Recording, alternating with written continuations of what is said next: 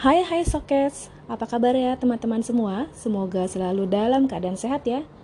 Kali ini kita masih di tantangan 30 hari bersuara dari thepodcaster.id Dan kali ini temanya tentang bucin Ih, Mila males banget dengar kata-kata bucin Kata-kata bucin itu kan untuk anak-anak sekarang ya Apa sih artinya itu?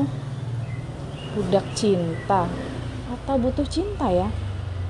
Oh iya, sorry nih, Mila kebetulan rekamannya di luar sambil menikmati suasana pagi yang adem karena semalam Lampung habis diguyur hujan. Jadi ada suara motor, ada suara burung, ada suara keleneng-kelenengan karena mungkin angin sambil berhembus ya. Oke, kita lanjut lagi sama si bucin. Menurut Mila, cinta itu ada sesuatu yang indah, sesuatu yang agung, dan cinta itu mengalir begitu saja, tidak perlu dipaksakan.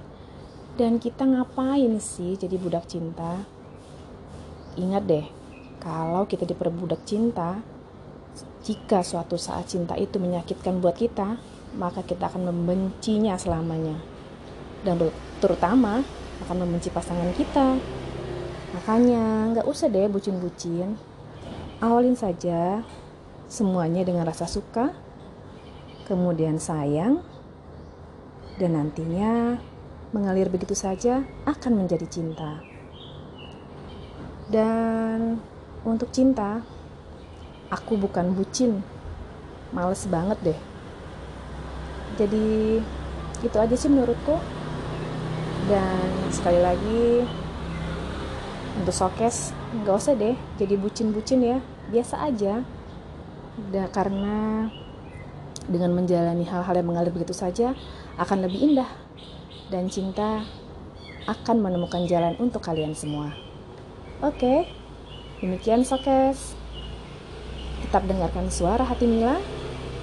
Semoga kalian setia dengan podcastku Salam sayang selalu dari Mila. See you.